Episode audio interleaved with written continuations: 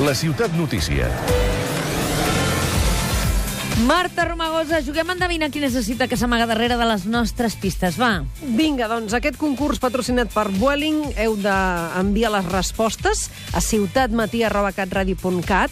Recordem que estem buscant una ciutat amb una gran muralla, unes platges de blau turquesa amb molta pedra, situada al sud-est d'Europa, on hi ha un telefèric fins al capdamunt del nucli urbà, des d'on hi ha unes vistes magnífiques del mar i de la seva bellesa medieval. Vols la pista número 3? Vull la pista número 3. Qui me la porta? Doncs La, te la porta el nostre Oriol Junqueras, minorista.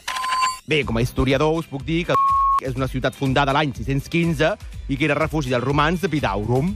Què? Com a pista és d'allò més pedant, eh? Doncs us foteu.